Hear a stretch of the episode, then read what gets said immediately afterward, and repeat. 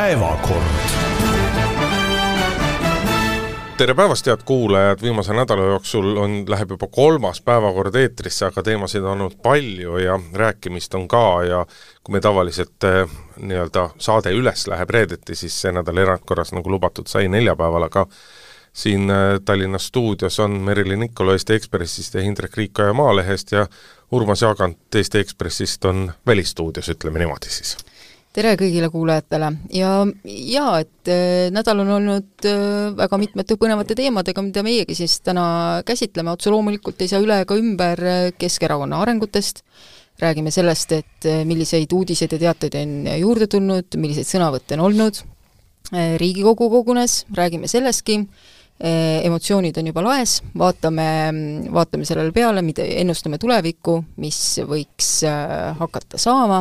ja juhtuma, ka, või kas seal on ka lahendust,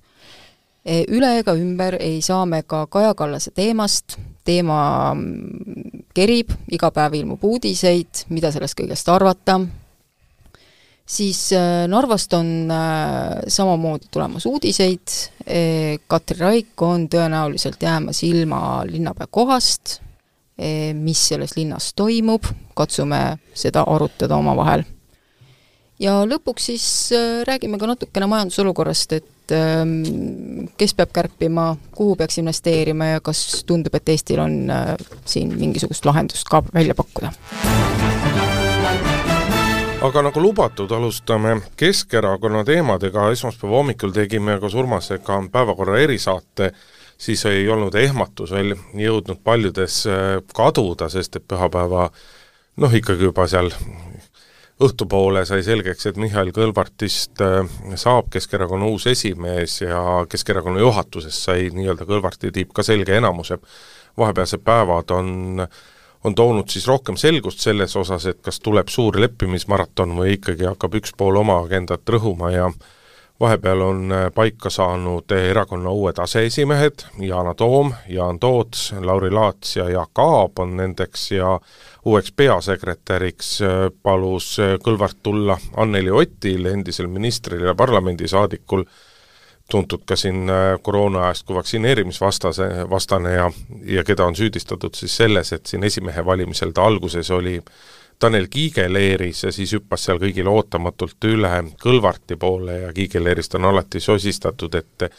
eks Otile töökohta lubati. kuule, kas sul ei olnud mitte vaktsineerimine pooleli või? see oli niisugune sege, see oli selline segane lugu, mida ta ei tahtnud kunagi kommenteerida, aga valitsuses ta eelkõige siiski esines valits-, vaktsineerimisvastaste seisukohtadega ja sellega ta äh, paistis silma. Aga kui me nüüd hakkame siis nendest aseesimeestest pihta, noh siis siin on küll ikkagi väga selgelt näha see, et äh, et äh, rõhk pannakse Kõlvarti leerile, see, et Jüri Ratas ei tulnud aseesimeheks, kuigi Kõlvart talle viisakusest pakkus, noh eks seda Ratase keeldumist teadis Kõlvart ju ette ja sellepärast ta nii julgelt selle ettepaneku tegigi, aga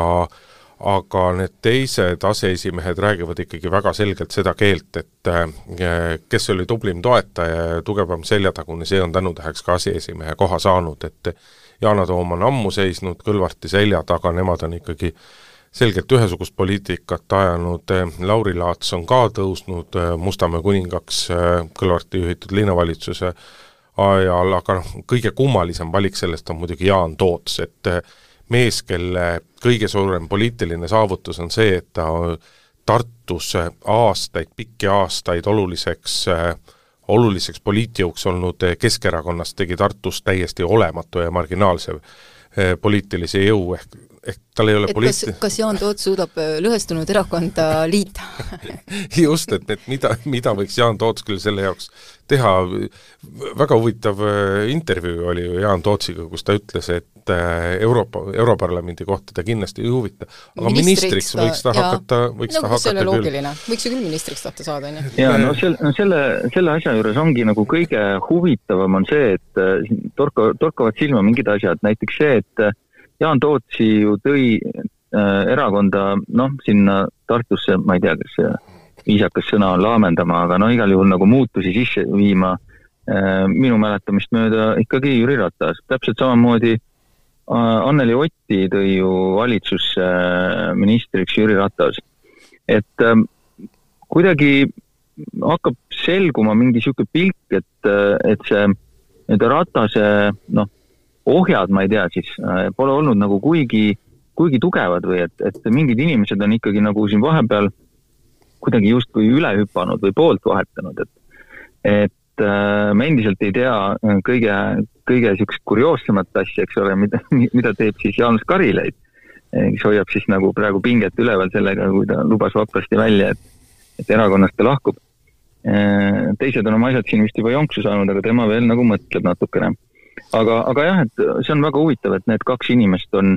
on nüüd saanud äh, sellise positsiooni ja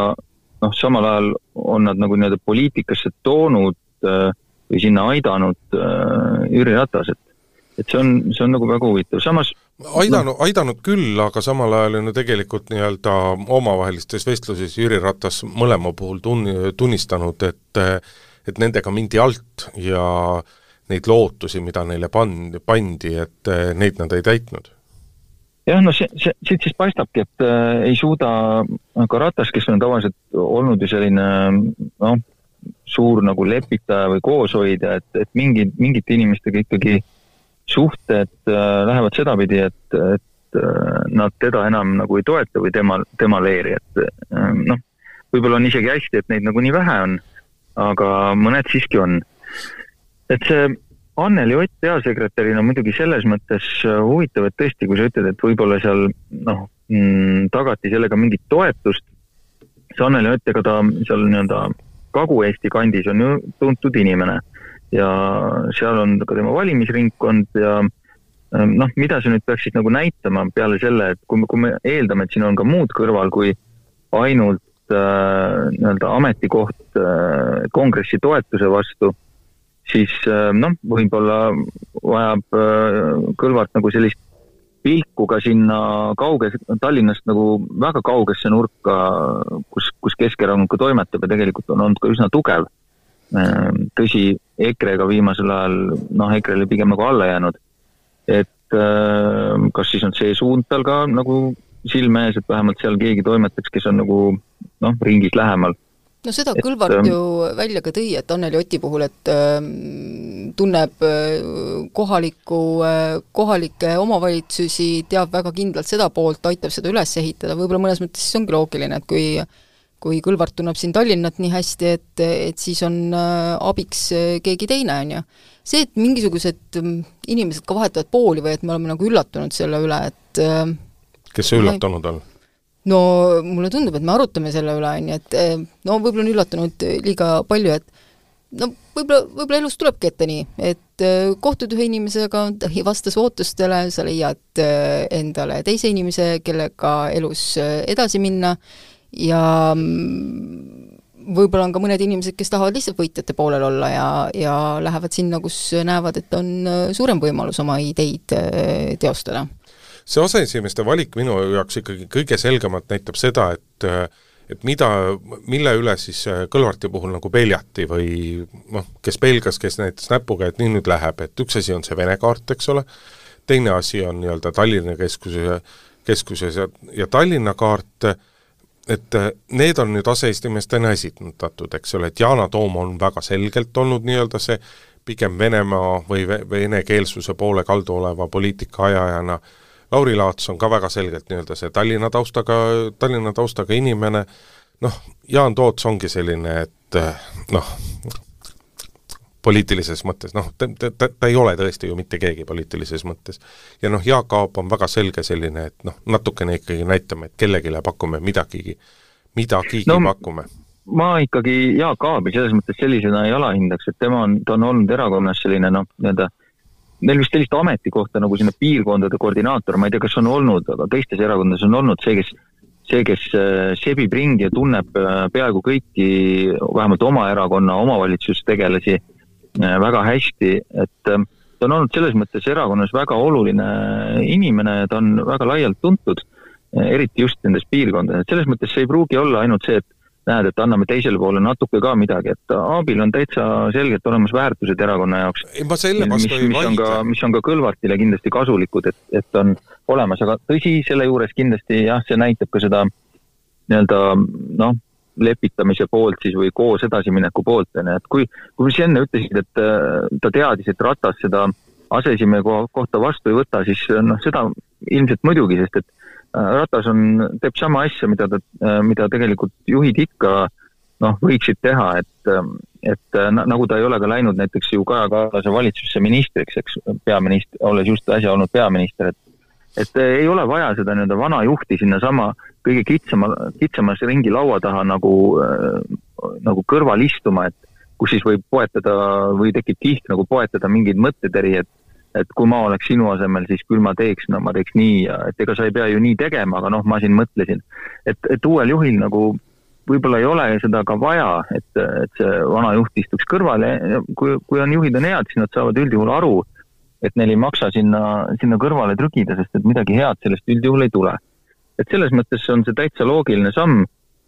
noh, kas siis oleks pidanud üldse nagu pakkuma äh,, aga noh, võib-olla tahetigi jah, viisak, niisugust viisakat äh, muljet väljapoole jätta, kuigi pragmaatilised põhjused räägivad kõik selles suunas, et äh, eelmine juht ei ole siis aseesimees. ausalt öeldes, kui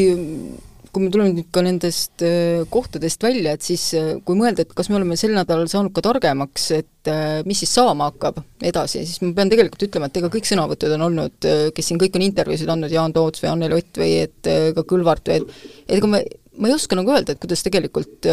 minema hakkab, sellepärast või mis suunas nad lähevad, et kõik need äh, kõik need äh, sõnavõtud on olnud piisavalt ümmargused praegu, millest ma saan nagu ka aru, esialgu ei olegi mõtet äh, võib-olla laamendada, et vaikselt vaadata, mis suunas või kas keegi on siis väga rahulolematu, kuidas hakkavad äh, jõujooned jagunema, et lõpuks näitab ikkagi, eks siis ole näha, et kui hea on Anneli Ott oma töös või et või millised teemad neil üles kerkivad, et siis kui ma juba no. konkreetseid otsuseid teha, et eks siis hakkab välja paistma, mis see maailmavaade siin tegelikult on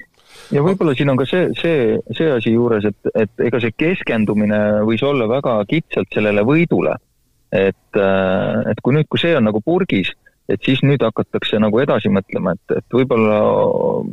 noh, lihtsalt puhtalt äh, aega selle jaoks, et seda nagu visiooni kuidagi omavahel seal veeretada, küllap äh, Kõlvartil on see olemas, aga kui palju seda on nagu teistega jagatud, noh kindlasti sel määral, et, et et inimestel ei saabuks üllatusena, mida nad siis nagu pärast pärast tegema hakkavad või mis see suund pärast võetakse, et niimoodi laias laastus on see neil tõenäoliselt nagu teada, aga võib-olla oli ka see keskendumine väga palju sellele võitlusele, mis nagu me nägime, kuigi noh, Indrek minuga ei nõustu, oli siiski üsna tasavägine siiski. no lisan veel siia ainult selle juurde, et vaat Janek Mägi kes meil ka, meil oli juttu sellest, et Janek Mägi aitas Kõlvartit ette valmistada, seda kõnet siis, mida, mis on väga kiidetud, et ja seal oli ka minu meelest, ma sain aru, et oligi öeldud, ma ei mäleta täpselt, kes see tsitaat seal oli või kes see täpselt seda kommenteeris, et aga eesmärk oli näidata teda inimesena ja minna välja visioonist ja programmist, on ju, ja töötas. ei no nagu me esmaspäevalises erisaateski rääkisime, et äh, vana tõde on see, et ole mõjuv äh,, paljusõnaline, nii-öelda lahe, vägev, jõuline, tugev ja siis sa lööd seda, kes tuleb, on asjalik, pragmaatiline, nii-öelda faktitäpne, sisuline. ja, ja ma ühe asja, ma ühe asja ütlen siia vahele, aitäh, et sa, Meril, tuletasid meelde Janek Mägi, ma lisan ta sinnasamma ritta, poolte vahetajate ritta, mida ma siin enne loetlesin, tema ju on ka see, kes ministriks toodi omal ajal Jüri Ratase poolt ja kes on nüüd Äh, läinud üle siis mulle tundub nagu teisele poole. et äh, tema, nii et, nii et neid nimesid saame praegu nagu kolm kokku juba. no Janeka puhul ma muidugi arvan, et tema puhul ei ole see on teenuse ostmine või? ei, mitte teenuse ostmine, vaid äh, Janekile noh, ütleme, ma ei ole kunagi suutnud väga uskuda, et et Janek on, on tohutult nii-öelda Keskerakonna äh, poliitiliste ilmavaadetu ja kõige selle moodi usku, et temale meeldib pigem kogemus, temale meeldib mänguelu, temale meeldib show ja seda ta kõik ju Kõlvarti puhul sai ja mind tegelikult natukene üllatas seda, et, et kui pühapäeval üritati seda kõike jätta nagu muljet, kui kui see oli selline nüüd Kõlvarti spontaanne samm, eks ole, kus ta viskas paberi kõrvale no see oli arusaadav, et see ei saanud olla ju. no sina saad sellest aru, aga ma usun, et suur osa kongressil olnutest ei saanud sellest niimoodi aru, sest et noh, inimesed ei puutu selliste asjadega kokku, et mind üllatas natuke, et et, et selle Janek Mägi kaardiga nagu nii ruttu ja nii avameelselt välja tuli, aga rääkisin ise siin erinevate erakondadest, üks erakondlane ütles muidugi, et eh, Anneli Oti kohta, et Anneli Ott on nagu väga hea ja väga turvaline valik eh, erakonna peasekretäri koha peale, sellepärast et eh, tuleb Lõuna-Eestist ärimeeste ringkondades liiga palju sidemeid ei ole ja selliseid häid tuttavaid, kelle käest saaks ka altkäemaksu minna küsima, et neid ei ole, et vähemasti selliseid skandaale ei ole temast karta. Aga vaata, siin ongi see küsimus, mis on selle peasekretäri kohta, et mis on peasekretäri töö, et tema asi on ikkagi käia ja nagu raha nuiata, et äh, see on nagu peamine ülesanne, mida peasekretär peaks tegema. esimehe käed puhtana hoida ja, ja nüüd, nüüd me näeme, nüüd me hakkame nägema, et kas, mis äh, sisu siis äh, Anneli Oti nagu selle töö tegemiseks on, et see ei ole meeldiv töö, et kui, kui keegi on, eks ole, näinud siin, kui ajalehtedes on avaldatud mingeid lindistusi, eks ole, äh, siin mingitest kohtuprotsessidest, sealt on üsna tihti näha, mis, mis tööd peasekretärid teevad, et kuidas seal tuleb käia ja rääkida, kes siis midagi supsutab kuhugi ja kes mitte. et selles mõttes ikkagi üsna näru töö ausalt öeldes, et, et selline, paned telefonitoru ära ja siis on, pead ootama, kui õhetus näost ära kaob, et nii palju küsiti raha. et selles mõttes see saab olema põnev, kuidas Anneli Ott nagu seda tööd teeb, sest et noh, ma teda isiklikult ju nii ei tunne, aga, aga ta ütleme, ei ole jätnud äh, sellist muljet sellise, sellisest inimesest, aga mine tea, inimes-, inimestes võib olla nagu palju peidus. no ütleme, et tema ministriaeg aga... oli ikkagi selline, ütleme, et võib-olla ebakindel äh, veidikene, ma no ikka piinlik kohati lausa. Ma olen selles suhtes ka nagu äh, kahtlev, ma olen tegelikult nende samade asjade peale mõelnud, mida siin Urmas ka rääkis. aga anname inimestele võimaluse, et selles suhtes, et never know et suudab küll altkäemaksu küsida, tahad sa öelda või? Mina seda ei öelnud. Aga kuidas me, kuidas me suhtume sellesse, mida on siin nüüd ka vist üks pool proovinud nagu välja näidata, et tuleb mingisuguseid lahkumisavaldusi, erakondadest astutakse välja, ma nagu vaatasin ka neid uudiseid ja see on nagu äh, nagu kummaline, et ma ei tea, võib-olla ma midagi maha maganud, aga kuskil nagu mingid, väga mingeid nagu pabereid ei ole näidatud, et kui palju neid väljaastujaid siis on, et äh, minule tundub, et äh, siin emotsiooni pealt mõned inimesed võivad tõesti teha nii-öelda niisuguseid otsuseid, et äh, kõik nüüd mulle aitab äh,, aga noh, ma arvan, et osad jõuavad siis sinna, isegi kui nad astuvad välja, jõuavad erakonda tagasi ja osad ära ei lähegi, et, et ähm, või kuidas teile näib, kas see on nagu nii keema läinud, minule tundub, et ei ole erakond nii keema läinud. era, see keema minek on olnud, on kuskil sellise rohujuure tasandil, et väljaastu, väljaastujaid on ja ja noh, isegi ütleme, kui väljaastujaid on sada või sada viiskümmend, siis see võib ju tunduda nagu tohutu suure hulgana ja tavaolukorras see ongi palju inimesi, aga erakonna liikmeskonna kontekstis ei ole see midagi, et ütleme, juhtivatest liikmetest eh, ei mina usu, et Jaanus Karilaidki sealt välja astub, sest et mida tal siis edasi teha on või kuhu tal siis edasi minna on, et see, et Andre Veidemann otsustas välja astuda, noh, kahju, aga Andre Veidemannil on, on Keskerakonna ajaloos on väga suured teened, aga tänasel hetkel on ta täiesti tavaline realiige võrreldes noh, võrreldav ükskõik kellega ja see lihtsalt ei, see, see ei mõjuta seda erakonda kuidagi. ja, ma tuletaks siia lihtsalt meelde seda, et, et äh, siin ainuüksi äriregistris nimekirjade puhastamisega kadus Keskerakonnast mingi seal pealt neljasaja liikme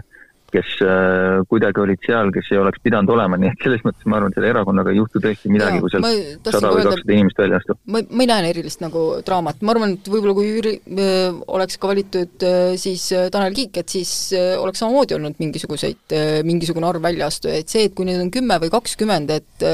et siis see ei ole nii dramaatiline, või isegi kui neid on ka viiskümmend, muidugi on halb isegi see, kui, kui neid on sada või kakssada, ei ole see dramaatiline. muidugi on äh,, väga kõlavaid pealkirju saab siis, kui mingid märgilised äh, liikmed peaksid lahkuma, on ju, et siis paistab see pilt lihtsalt halvem välja, aga lõpuks ei ole ka see kuigi, äh, maailma lõpp. kuigi ka sellega on, et tuletame siiski meelde, et Andra Veidemann on praeguse seisuga üks kolmest endisest Keskerakonna esimehest, ehk kolmandik kolmandik esimeestest on surnud, kolmandik ast-, on välja astunud, ajalugu justkui nagu ei olegi enam alles. ei no sellega peab arvestama, kui juht vahetub, siis on alati ka organisatsioonis neid, jah, okei okay,, nii ma päris ei ütleks, aga ütleme, et organisatsioonis neid, kes ei nõustu sellega ja lahkuvad. aga esmaspäeval rääkisime ka Tanel Kiige saatusest, pakkusime, et aasta lõpu uue algus on see, kui tal tuleb fraktsiooni esimehe koht äh, loovutada, kas see aeg nihkub äh, lähemale või mitte, mul endale küll on tunne, et kui praegu arvatakse justkui parlamendi fraks-, Keskerakonna parlamendifraktsioon oleks justkui nii-öelda Ratase Ratase leeri kaldu või siis uues mõttes Kiige leeri kaldu, siis noh, mina olen küll üpris veendunud, et sellest leerist nii-öelda minnakse ka üle ja et Kiigel tuleb rea, rea parlamendisaadikuks hakata varem kui aasta lõpus nojaa, aga mis selle, mis selle mõju siis saab olema, et ega, ega äh, ükskõik, kui sa vahetad välja fraktsiooni juhi, ega see fraktsiooni koosseis, koosseis sellest ei muutu, et et äh, need inimesed on seal need, kes äh, Riigikogu valimistel sinna valiti ja noh, ma arvan, ma ei kujuta ette, kas see teeks Kõlvarti elu lihtsamaks, kui kui ütleme, ta vahetaks välja nii-öelda juhi, kes siis püüaks nendele fraktsiooni liikmetele siis noh, ma ei tea, peale suruda mingisugust teistsugust poliitika, teistsuguse poliitika tegemist, kui seda teeks Tanel Kiik, et ma ei usu, et see mingisugust erilist tulemust annaks. sa lähened liiga pragmaatiliselt, sa no, üritad olla nagu Tanel Kiik, aga me teame, kui millega see pragmaatilisus Tanel Kiige jaoks lõppes. võim äh,, enda võimu näitamine, need on täpselt sama olulised asjad kui protsesside sisuline suuramine. jah, aga siis peaks sul olema mingisugune hoob, aga see, aga parlamendisaadikud on seal, neid ei saa sealt kuhugi ära ajada, need on täpselt need, kes on et äh, muidugi, kui sa tassid seal inimeste kohta, oletame noh, poolnaljaga öeldes mingit komprat ja nad on sunnitud kuidagi ise parlamendist lahkuma, aga ära ajada neid sealt kuidagi ei saa, nii et selles muidugi, mõttes see fraktsiooni muidugi... ainus, mis sa saad, sa saad muuta mõnede inimeste meelt võib-olla, pakkudes neile midagi veel juurde, no ma ei tea, mingit komisjoni äh, esimeeste kohti vahetada, et sinna kelle, keegi uus inimene juhiks, millega tuleb väike palgalisa aga keda Kõlvart võiks äh, tahta sinna ei, aga ma saada? veel ühe asja lisaksin Urmasele, mis on vaata kõige olulisem, on ikkagi äh, kõrge koht järgmistel valimistel, millel on ainult kolm ja pool aastat aega. et me oleksime naiivsed, kui me arvaksime, et parlamendisaadikud ei mõtle praegu juba täna sellele, et neil oleks ka järgmises parlamendi koosseisus koht olemas. ja see on väga kõva valuuta jaa, aga kui sa, Merili, küsid, et keda ta seal nagu ja. näha sooviks, noh, ma ei oskagi ausalt öeldes kedagi nagu pakkuda, et sellepärast, et noh, min-, minu jaoks ütleme niimoodi, et kui ta, kui ta teeks selle vahetuse väga kiiresti, siis minu jaoks oleks see nagu pigem üllatav. et äh, ma ei näe nagu mingisugust nagu suuremat võitu sellest mm,, eriti kui kõigil on veel meeles see nii-öelda koos tegemise, lepitamise, koos edasimineku jutt, et et äh, selles mõttes ma arvan endiselt, et kui seal midagi tehakse, siis lükatakse kaugemale, võib-olla selgub õige pea, et ma eksin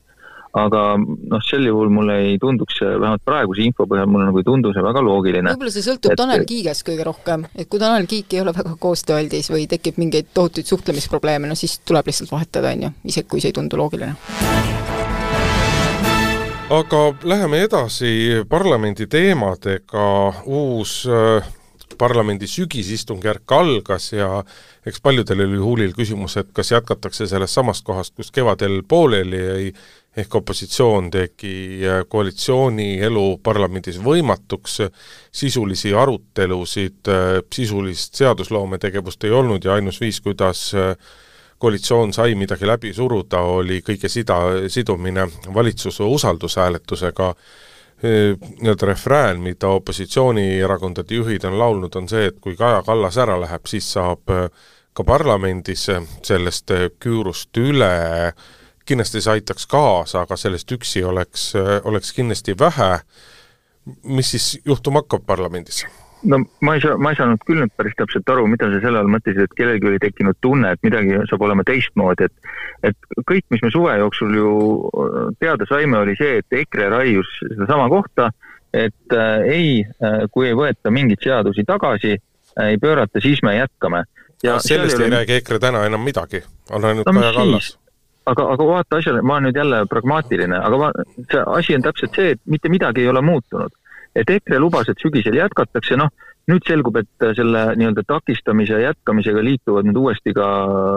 ilmselt siis Isamaa ja Keskerakond, aga seal ei ole, nagu ma ka varem olen öelnud, mitte mingit vahet, kui mitu erakonda seda teeb, et see tulemus on ikka sama ja noh, nüüd, nüüd kas selleks öeldakse, et Kaja Kallas peab lahkuma või öeldi seal enne, et äh, tuleb äh, see samasooliste äh, abielu lubav seadus äh, tühistada, mingit vahet seal ei ole, tulemus on ikka sama. et äh, nüüd on lihtsalt võib-olla sellist äh, noh, energiat natukene rohkem, et mingi uus asi, mille peal nagu ratsutada, aga, aga sisulises plaanis ei muutu see mitte midagi ja kogu, kogu suve jooksul ei olnud ju ühtegi signaali, et see asi läheks kuidagi paremaks, nii et minu jaoks ei ole vähimatki üllatust, et see, et see kõik samamoodi jätkub, sest et suvel lihtsalt kõikide erakondade vahel ei olnud mingit kokkulepet jah, aga kas EKRE eesmärk ei ole tegelikult ju erakorralised valimised, et jõuda sinnamaani, et äh, mis kompromissist me siis äh, räägime, et no. kas see on Kaja Kallas või mõni seadus või et nad ei ole näidanud vähimalgi viisil, et teeks kuidagi nagu, et, et tegelikult siit paistaks nagu äh, lahendus. No teoreetiliselt jah, EKRE eesmärk on erakorralised valimised, aga ainus tee neil selleni jõuda on torpedeerida riigieelarve vastuvõtmist äh, nii kaua, et äh, märtsi alguseks ei oleks eelarvet vastu võetud, aga see tähendab ikkagi seda, et kui nüüd aas-, kuu lõpus antakse riigieelarve üle, siis tuleb viis kuud venitada.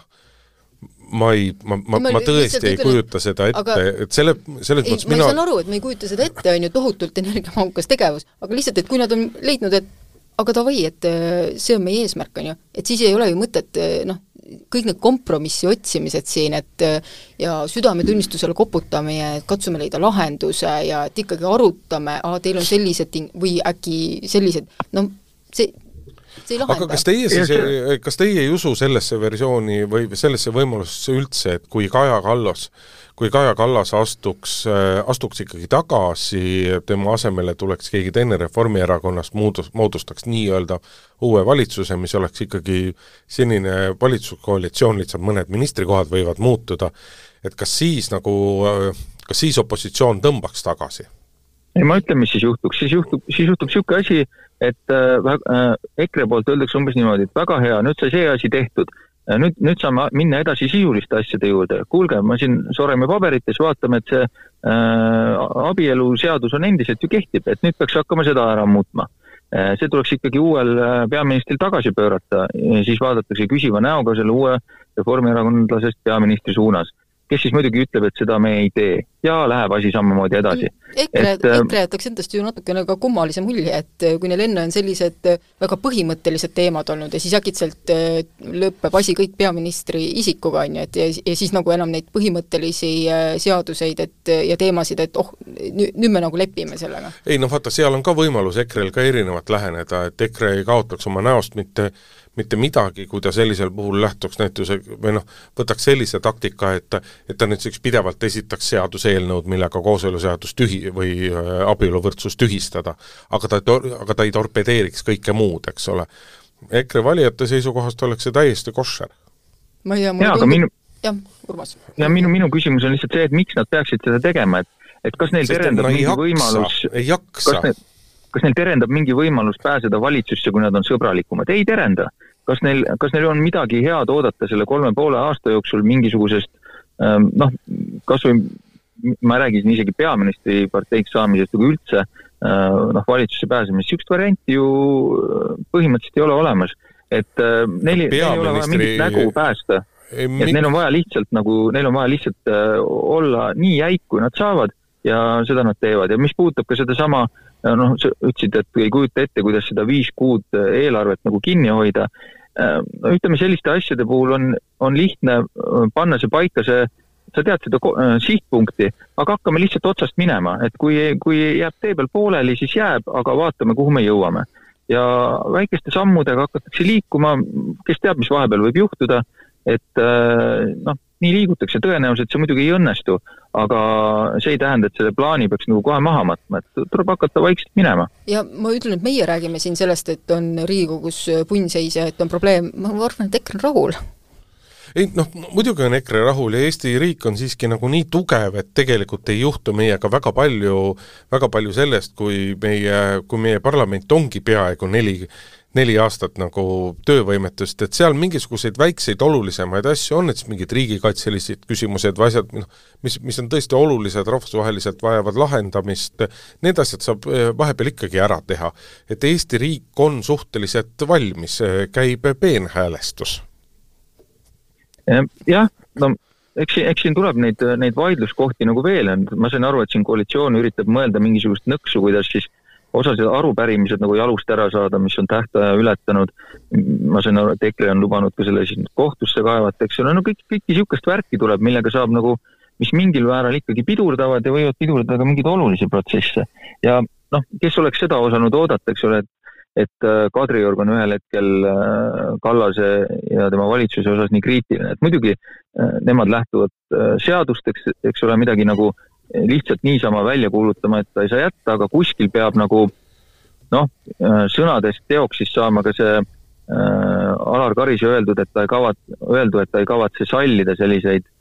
pidevaid usaldushääletusega seotud asju, et et noh, mis rolli see nagu lause hakkab kuskil hetkel mängima, noh, seda me kõike veel ei tea, aga, aga sellised asjad nagu lihtsalt käigu pealt juhtuvad ja ühel hetkel me võime avastada sellest olukorrast, kus, kus väga vähe aega on jäänud ja eelarve ei ole endiselt äh, kuhugi eriti edasi liikunud. praegu meil pole seda muidugi veel olemaski, see ei ole veel ka kokku lepitud aga kokku saab selle Riigikogu teema võtta sellega, et nii-öelda seadusloome ja selle poole pealt tuleb suhteliselt tühi sügis, aga poliitiliselt äh, tulevad huvitavad ajad ja, ja kindlasti nii-öelda erinevad mängupiirid äh, nihutatakse kohe uutesse kaugustesse. nii, ja jätkame Narva teemadel, et äh, Narva linna, linnas ja volikogus toimuv ikkagi üle paari kuu või? Ma ei tea, võib-olla tihemini isegi mõnikord tekib uudistesse, natukene on isegi järg kadunud, et millised on seal jõujooned ja mis seal täpselt toimub, aga seekord on siis uuesti teemaks see, et linnapea Katri Raik, koalitsioon on muutumas ja linnapea Katri Raik võib siis tõenäoliselt nädala lõpus peaks olema koha kaotada. ma, ma jään ausalt öeldes vastuse võlgu, et kas ma oskan nagu Narva linna äh, Eh, poliitikat väga hästi analüüsida, et selleks on vaja vist väga detailseid eh, teadmisi, et et jah, et muidugi sealt on praegu toodud eh, põhjendusi, põhjendusi selle kohta, et mis kõik ei sobi ja millega linnapea ei saa hakkama ja miks meil on vaja siin kõike muuta, on ju, aga tegelikult ma arvan, et sügavalt on ikkagi küsimus isiklikes suhetes ja, ja ma lugesin ka, minu meelest oli see äkki Erik Kamsejevi kommentaari, kus ta ütles ka, et sellised pisikesed solvumised, siis kohe juba võetakse asi äh, suuremaks teemaks, on ju, seal on pikem ajalugu, ehm, kõik asjad, noh, lagunemised, mis seal nagu toimuvad, on, on selles suhtes nagu ka huvitavad, et kas mitte selle viimasest kohalikest omavalitsuste valimisest, et kas Eesti kakssada sai kaks kohta sinna ja ka ma saan aru, et ka see kaks kohta on lagunenud. See väike siis äh, rakukene, rakukene, et mis seal täpselt toimub, on no, väga huvitav. seal aga vot need isiklikud solvumised ja asjad, et eks need ikkagi taanduvad nagu kahe või taanduvad tegelikult ühe nimetaja peale, see on see nii-öelda eesti, või kaks asja, eestikeelsus ja ja eestimeelsus, et äh, kaks asja, mis seal nagu kõige rohkem on ju viimasel ajal neid pingeid põhjustanud, tead, ma sekkun see... nagu kohe vahele, ma mõtlesin selle üle, et on ju, jaa, võib-olla, et, et on see aspekt, aga teate, meil on ka, meil on ka Eesti oma, Eesti omavalitsusi, kus on samasugused suhted ja kogu aeg vahetub ka nagu võim, et selles suhtes need isiklikud suhted ikkagi määravad ka. ei, ei absoluutselt, loomulikult, loomulikult, aga noh, praegu on meil, on see nii-öelda eestikeelsele haridusele üleminek ja, ja erinevate koolijuhtide ja ja õpetajate eh, keeleoskuse küsimus ja teine on noh, kõigile muule nagu tegelikult täiesti arusaamatu küsimus Narva tänavanimedest, kuna seal on seal on mitmeid tänavaid veel nimetatud nagu nõukogudeaegsete kangelaste ja Teise ilmasõja kangelaste järgi, mille eestistamist on nagu ammu nõutud, ikkagi tegelikult juba väga-väga ammu nõutud ja, ja, ja on täiesti kurioosne, et Narvas on jätkuvalt sellised täna, tänavanimed veel kasutusel, aga ma näen ja, ja, ja ega tegelikult ka Narvas endas nähakse väga selgelt seda, et kui siin Katri Raigi ajal on seda nägu nagu pööratud rohkem Eesti poole ja rohkem eestimeelsuse poole, mis ei tähenda seda, et Narvast oleks nii-öelda eestimeelsuse ja eestikeelsuse kant saanud, kindlasti mitte seda, aga see töö selles suunas on olnud nagu tihedam kui viimastel aastakümnetel kokku, aga aga nagu selle võimuvahetusega see kaob ära, et ma kuulasin ka siin täna Vikerraadiole Jevgrafovi antud intervjuud ja ja ega nii, kui läks jutt äh, eestikeelsele õppele üleminekule, siis siis, siis läks, läks lahti selline keerutamine, et jah, seadus nõuab, aga kust meil ikka neid õpetajaid võtta on ja kuidas me seda ikka saame teha ja Haridus- ja Teadusministeeriumit see asi üldse ei huvita ja kogu see alatoon oli ikkagi see, et et, et, et Narvas eestikeelsele õppele üle ei minda ja meie ei hakka äh, linnavolikogus küll selle nimel pingutama, et seda nagu teha, et see kõik on teiste, teiste, teiste mure ja, ja, ja see on ikkagi probleem, et meil äh, noh, eriti veel sellepärast, et see linn asub idapiiril, aga Eesti üks suuremaid linnu, noh, noh, ta ei, ta ei ole mentaalselt täiesti Eesti linn, isegi noh, ma ei hakka sellest eestikeelsusest isegi mitte rääkima. No siin on huvitav, on lihtsalt see, et kui, kuidas, kuidas see asi kõik are- äh,, nagu asetub sellesse konteksti, mida me rääkisime siin saate avateemana, ehk siis äh, Keskerakonna äh, uus juhtkond, et äh, ma tean, et juba see kulunud fraas, et äh, Narva keskerakondlased pigem nagu kasutavad seda frantsiisi, eks ole, pigem, et nad ei ole selle kesk, keskkontori võimuga nii tihedalt seotud, aga noh, nüüd on küsimus, et kas näiteks, meil on ju teada Kõlvarti suhtumine sellesse äh, Äh, koolide nii-öelda keeleprojekti, eks, et ähm, kas, kas see seob nüüd äkki selle Narva tugevamini selle keskkontori külge, et kuna, kuna mingi siht võib olla mingis osas ühine, et äh, noh, siin võib olla mingisugused, eks ole, aktsendid üht, üht või teistmoodi, et kas, kas tahetakse nagu hiljem või ei taheta midagi teha üldse, aga noh, see võib mingisugust rolli mängida, et siin Keskerakond sai nüüd endale uue juhi. tõesti, aga noh, seda piirkonda liiga hästi, selle piirkonna poliitikat liiga hästi tundmata, siis äh, võib see olla lihtsalt tõesti ka mingisugune nii-öelda seal päris tihti korduv selline äh, noh, selline raputus, mis seal, mis seal nagu läbi käib, aga aga jah, sisulises osas ma olen nagu nõus, et ega see äh, nagu muutunud seal palju ei ole ja ma arvan, et, et, et see ei saagi nagu muutuda, kui elanikkond on ju sama. et, äh, et paraku see, paraku see nii on ja see see võitlus nagu selle piirkonna mm, noh, nimel ja jaoks nagu jääb edasi käima äh, veel väga pikaks ajaks. Et küsimus on jah, et kes sealt, kes sealt saab äh, kohalikel omavalitsuste valimistel, eks ole, oma, oma toetuse kätte, et et äh, seni on siin mingi periood on olnud Keskerakond selles ülitugev, kas vahepeal on jäänud nõrgemaks, kas nüüd see võiks taastuda, noh, kes seda teab, aga, aga jah, sellised see, see, see nii-öelda võimumängud seal äh, kestavad nagu kaua ja ilmselt, ilmselt veel tulevikus ka jah, nagu, nagu Narvas kohalikud inimesed ka ütlevad, et Katri Raik on tohutult populaarne poliitik äh, Narvas, aga ta ei ole populaarne mitte selle, aga ta on populaarne sellepärast, et ta on nii-öelda nagu, ta on äh, ta on Narva, ta on Narva suutnud elu tuua ja ta on suutnud Narvat populariseerida ja kogu see pool, aga kui küsimus läheb sellele, et ajada mingisugust eestimeelset, eestikeelset poliitikat, et siis nii-öelda nagu kaotad kaob see toetus ära ja inimesed seda poolt Katri Reigiga ei seosta. aga mis seda puudutab, nagu sa ütlesid, et, et Keskerakond on frantsiis Narvas olnud, siis see ei ole selles mõttes tõsi, et Edgar Savisaar ajal ikkagi Edgar Savisaar ja ja, ja tema taba, tagatuba kontrollisid kontrollisid ikkagi väga, väga hästi ja väga põhjalikult Keskerakonna rakukest Narvas. Jüri Ratase ajal kadus see ära, sellepärast et Jüri Ratas hakkas nõudma mäletatavasti, et eh, nii-öelda korruptsioonikahtlusega eh, Keskerakonna volikogu saadikud peaksid ennast uurimise ajaks kõrvaldama, aga praegu selle, sellele Narva võimuvahetusele on nii-öelda Kõlvarti heakskiit väga selgelt olemas ja ja mina olen küll veendunud, et Kõlvart eh, nii-öelda taastab ka selle Keskerakonna kontrolli äh, sealse rakukese üle, et see ei ole enam selline nii-öelda frantsiisiüksus, mida on hea nii-öelda tuntud nimena oma katusena kasutada. aga kas Keskerakond eh, siis selgelt eh, et selleks oli vaja siis Kõlvarti heakskiitu või et Kõlvartiga tohutult arutada, et äkki see rakuke on ikkagi selline, et ise siin arutame, meie nii-öelda riik riigis siin, meie ise teame, mis meie teeme ja et noh, suurt pilti võib-olla vaatame Eestis, mis toimub, aga tegelikult siin jagame ikka oma maid ma ei usu, et need asjad on nii lihtsad. nagu lubatud, räägime pisut ka Kaja Kallasest, äh, sest et äh, kuidas te eelmine nädal sõitlesite, et äh, väga selget uusi fakte ei ole tulnud, aga aga teema on jälle õhus olnud ja ega segadust on nagu, segadust on tulnud küll ja küll ja noh, viimase segaduse põhjustas see Kaja Kallase laenuleping, et äh,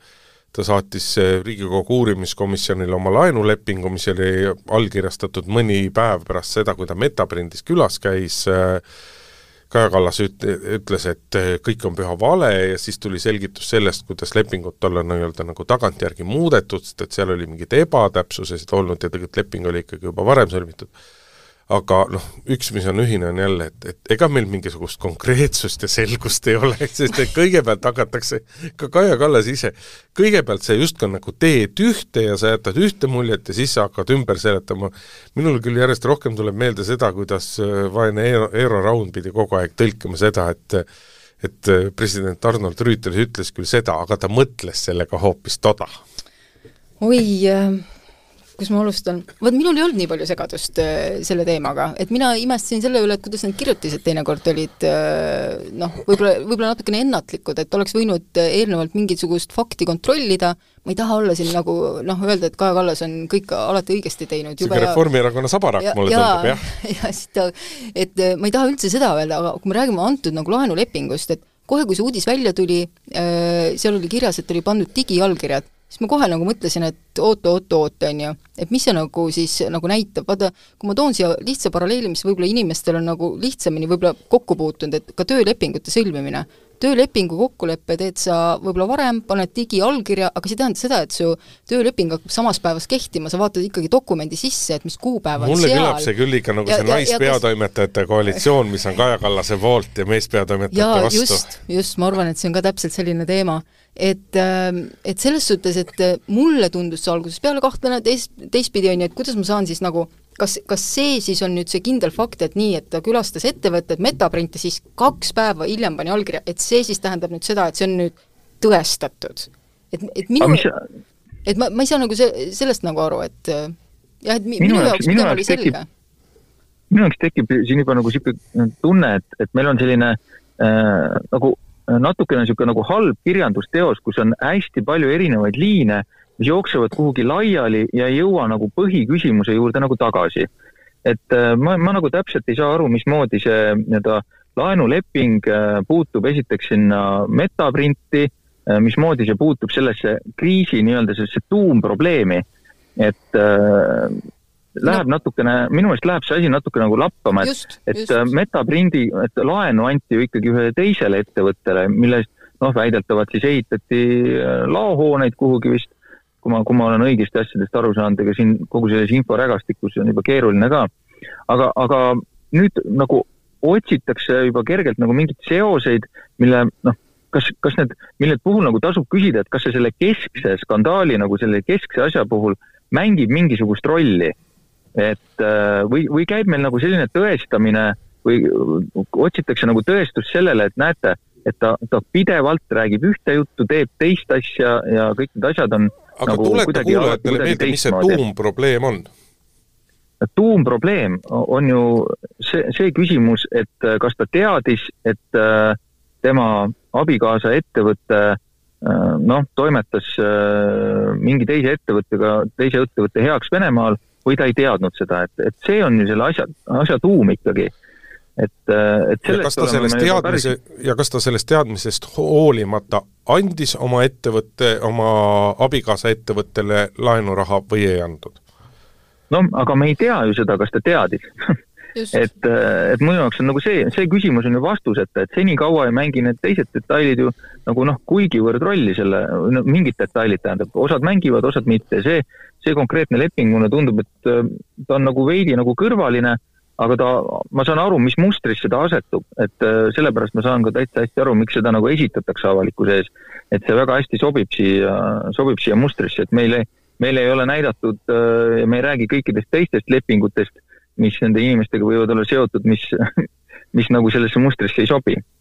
no seal ikka selles mõttes vaata on nagu seos, et et kui see, kui see, kui see seos oleks nagu väga üks-ühene, et kõigepealt ta käis Metaprindis, kes on nii-öelda selle Vene vedusid teinud ettevõtte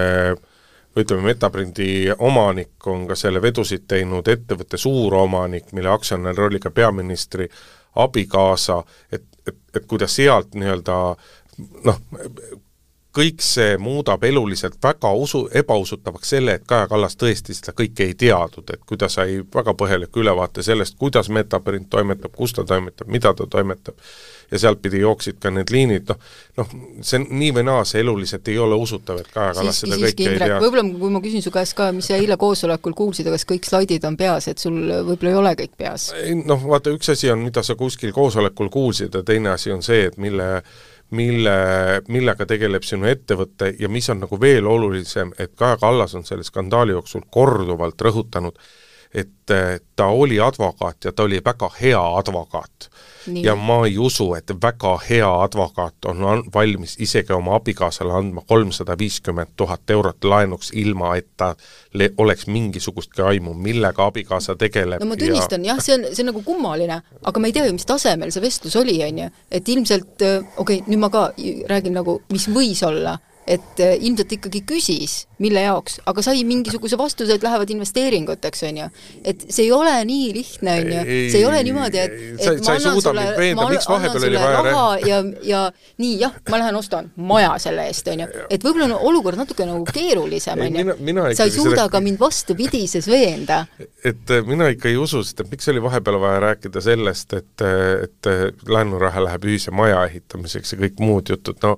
ma ei, no, no noh, ma tunnen, ma tunnen ka, ma tunnen ka mingisuguseid, tunnen ka advokaate ja päris tublisid advokaate ja, ja nendest on ka mõni öelnud seda, et, et noh, no kuidas hea advokaat annab välja kolmsada viiskümmend tuhat eurot, ilma et ta teaks detailselt, mida selle rahaga teha. kui abikaasa ütles, et ehitan äh, siin, ettevõte ehitab parasjagu, meil on vaja laoneid ja siis osa läheb äh, siin vaja maja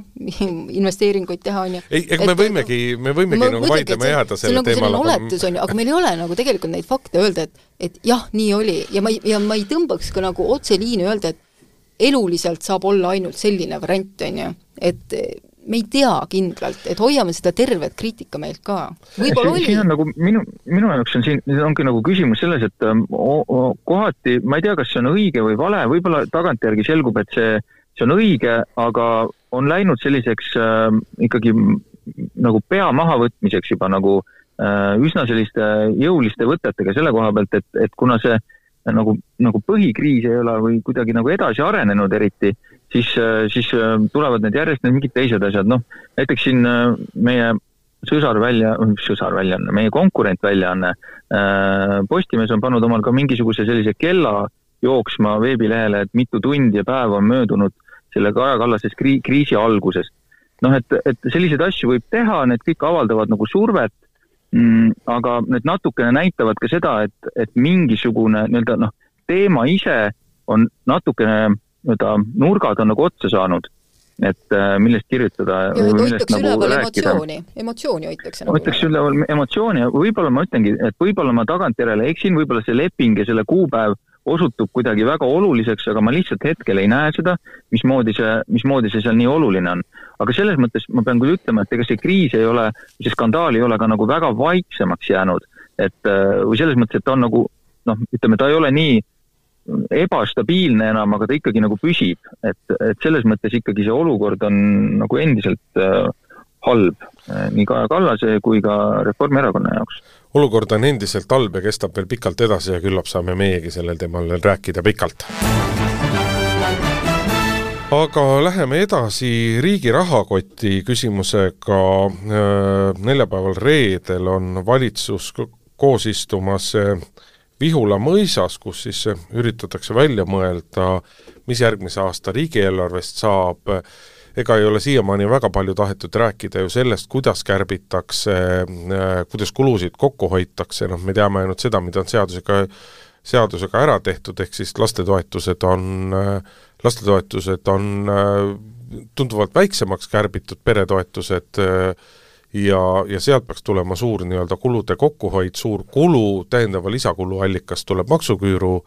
maksuküüru kaotamisest äh, ja viimastel andmetel on veel riigieelarvest kakssada miljonit on sellist raha, mis on nii-öelda väidetavalt siis justkui puudu ja noh, automaksust räägitakse, me ei tea, mis sellest asjast saab. ja mis sealt tuleb, ei noh, kõik, miks ta seda lahendada ei või, kõik sõltub sellest, kui suur automaks kehtestada, et see on ikkagi ikka limit is sky, eks ole. okei, okei, mõtle suurelt. just, mõtle suurelt ja, ja, ja taevas on piiriks, aga sotside esimees Läänemets, siseminister, on välja tulnud ettepanekuga, et võiks ikkagi et-, õppust võtta mitmetest teistest riikidest ähm,, Leedu, äh, Rootsi, Euroopast on mitmelt poolt leitud, et kehtestame pankadele äh, ajutise Läänemetsa ettepanekul kolmeaastase erakorralise tulumaksu, mis siis peaks katma seda, mis peaks siis osaliselt ära võtma seda raha, mis on saanud justkui nagu intressitõusudelt, ehk pankade kasumid on kasvanud ilma, et nad oleksid pidanud midagi selle jaoks tegema, et rohkem rohkem ta-, raha teenida, noh muidugi esimesed reaktsioonid nii Kaja Kallaselt kui ka kui ka Margus Tsahknalt ehk siis Reformierakonnalt ja Eesti kahesajalt on olnud sellised mahategevad, aga aga noh, see on selline reaalne ettepanek, et Võrklaevalt me ei oleks sedagi kuulnud. No Läänemets on seda tegelikult varemgi juba, seda ideed äh, proovinud avalikkuse ees, et äh, sai ka siis äh, suhteliselt tugeva reaktsiooni, et e, Võrklaeva kommentaarid, ütleme, et on olnud minu meelest murelikud, et ja võib-olla see, millega koalitsioon alustas siin äh, alguses, et jaa, et teeme riigi rahanduse korda äh,, võtame kõik äh, pulkadeks lahti, nii nüüd kõik lähevad oma ministeeriumisse, vaatavad üle, äh, kõik on ju, oleme hästi vaprad, on ju, sellest nagu palju äh, ma ei tunneta, et praegu oleks nagu järgi jäänud, et kas sa et, lootsid, et jääb midagi või? no ikka tahad ju loota parimat ju, et ikka noh, tundus, et nüüd saab suuri asju teha, et hetkel mulle tundub, et me räägime täpselt samu asju, ei sealt me ei saa maha võtta, nii õpetajate palku me peame hoopis tõstma, ja siis me teeme veel sellise muudatuse, siis tohutult arutatakse ühiskonnas mingi suure, ütleme keskmise muudatuse üle, mis annab mõned miljonid, on ju, mis tegelikult suurt pilti ei muuda. et noh, tahaks suuremaid otsuseid ja julgemaid samme. No jaa, see, see asi ongi selles, et Võrklaeva ettepanek oli selles mõttes ju noh, võime öelda, et enam-vähem teada, kuhu see jõuab, sest et see oli ju umbes sama nagu paluda inimestele, et äh, palun hakake äh, oma varbaid ära lööma ise, iseendal, et kes siis saab kingade pealt kokku hoida. kes julgeb, saab ühe, lööb ühe, kes on julgem, lööb kaks varvast ära, noh, keegi, keegi ei teinud seda väga, sest keegi ei tahtnud haiget saada, noh, see, selles mõttes on täitsa ootuspärane tulemus. aga see Läänemetsa ettepanek, jah, ta alustas selle nagu sissetöötamist siin juba suve alguses, katsetamist, ja kui nüüd sotsidel on selles mõttes äh, nutikust näiteks õppida Isamaa pealt, mida Isamaa on ju varasemates valitsuses hästi teinud, on see, et äh, ära mine harali oma nõudmistega, vaid vali mingi üks konkreetne asi ja siis äh, seda ikka rammi nagu täiega, nii palju, kui sa suudad ja ainult selle peale.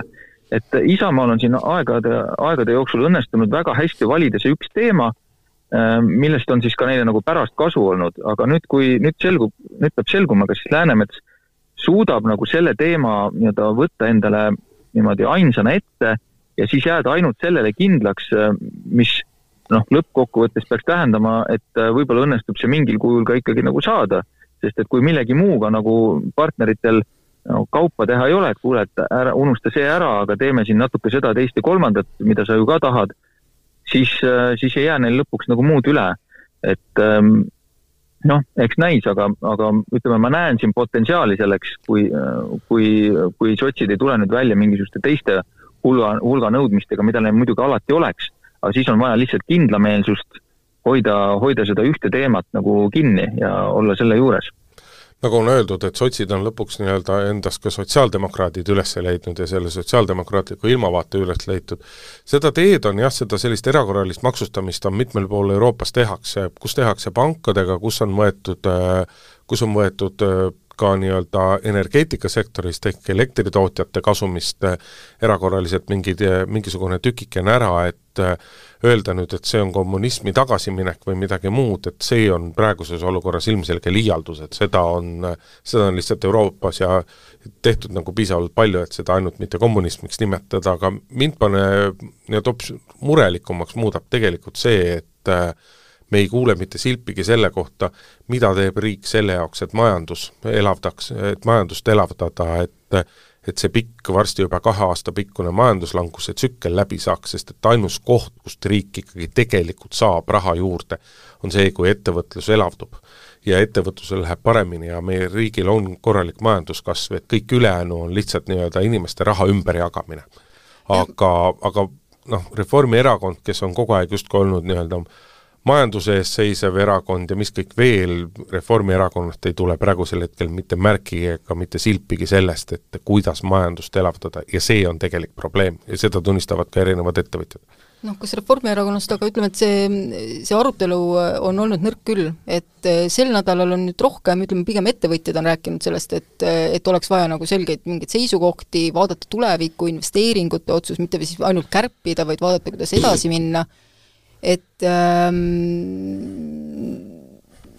kusjuures see olukord ei ole meil olnud ju noh, see ei ole nüüd ootamatu, tegelikult see majanduslangus, nagu sa ütlesid, on te tegelikult juba pikemalt Äh, siin kerinud, aga minu meelest on hämmastavalt vähe sellele ikkagi nagu tähelepanu pööratud. sel nädalal, ma ei mäleta isegi, mis lugu see oli, mida ma lugesin, aga ma mäletan, mitu inimest pakkusid seal välja või mainiti, et nüüd tuleks teha ümarlaud, siis tuleks teha koosolek, siis tuleks teha mingi mm, töörühm, et äh, tahaks öelda, et need koosolekud ja töörühmad muidugi ei, ei lahenda äh, asju, et meil peaks olema inimesi piisavalt palju tööl, kelle ülesanne on siis nagu sellistele olulistele asjadele ka tähelepanu pöörata ja käima tõmmata, et äh, võib-olla ei ole vaja kogu aeg teha eraldi koosolekuid ja töörühmi. ei noh, tegelikult et, ettevõtlusorganisatsioonid on ju käinud, nad on käinud erinevate ministrite juures, praktiliselt kõik nendest on kokku saanud ka Kaja Kallasele ja nad kõik kurdavad ühtemoodi seda, et me räägime, me räägime, räägime, me näitame numbritega ära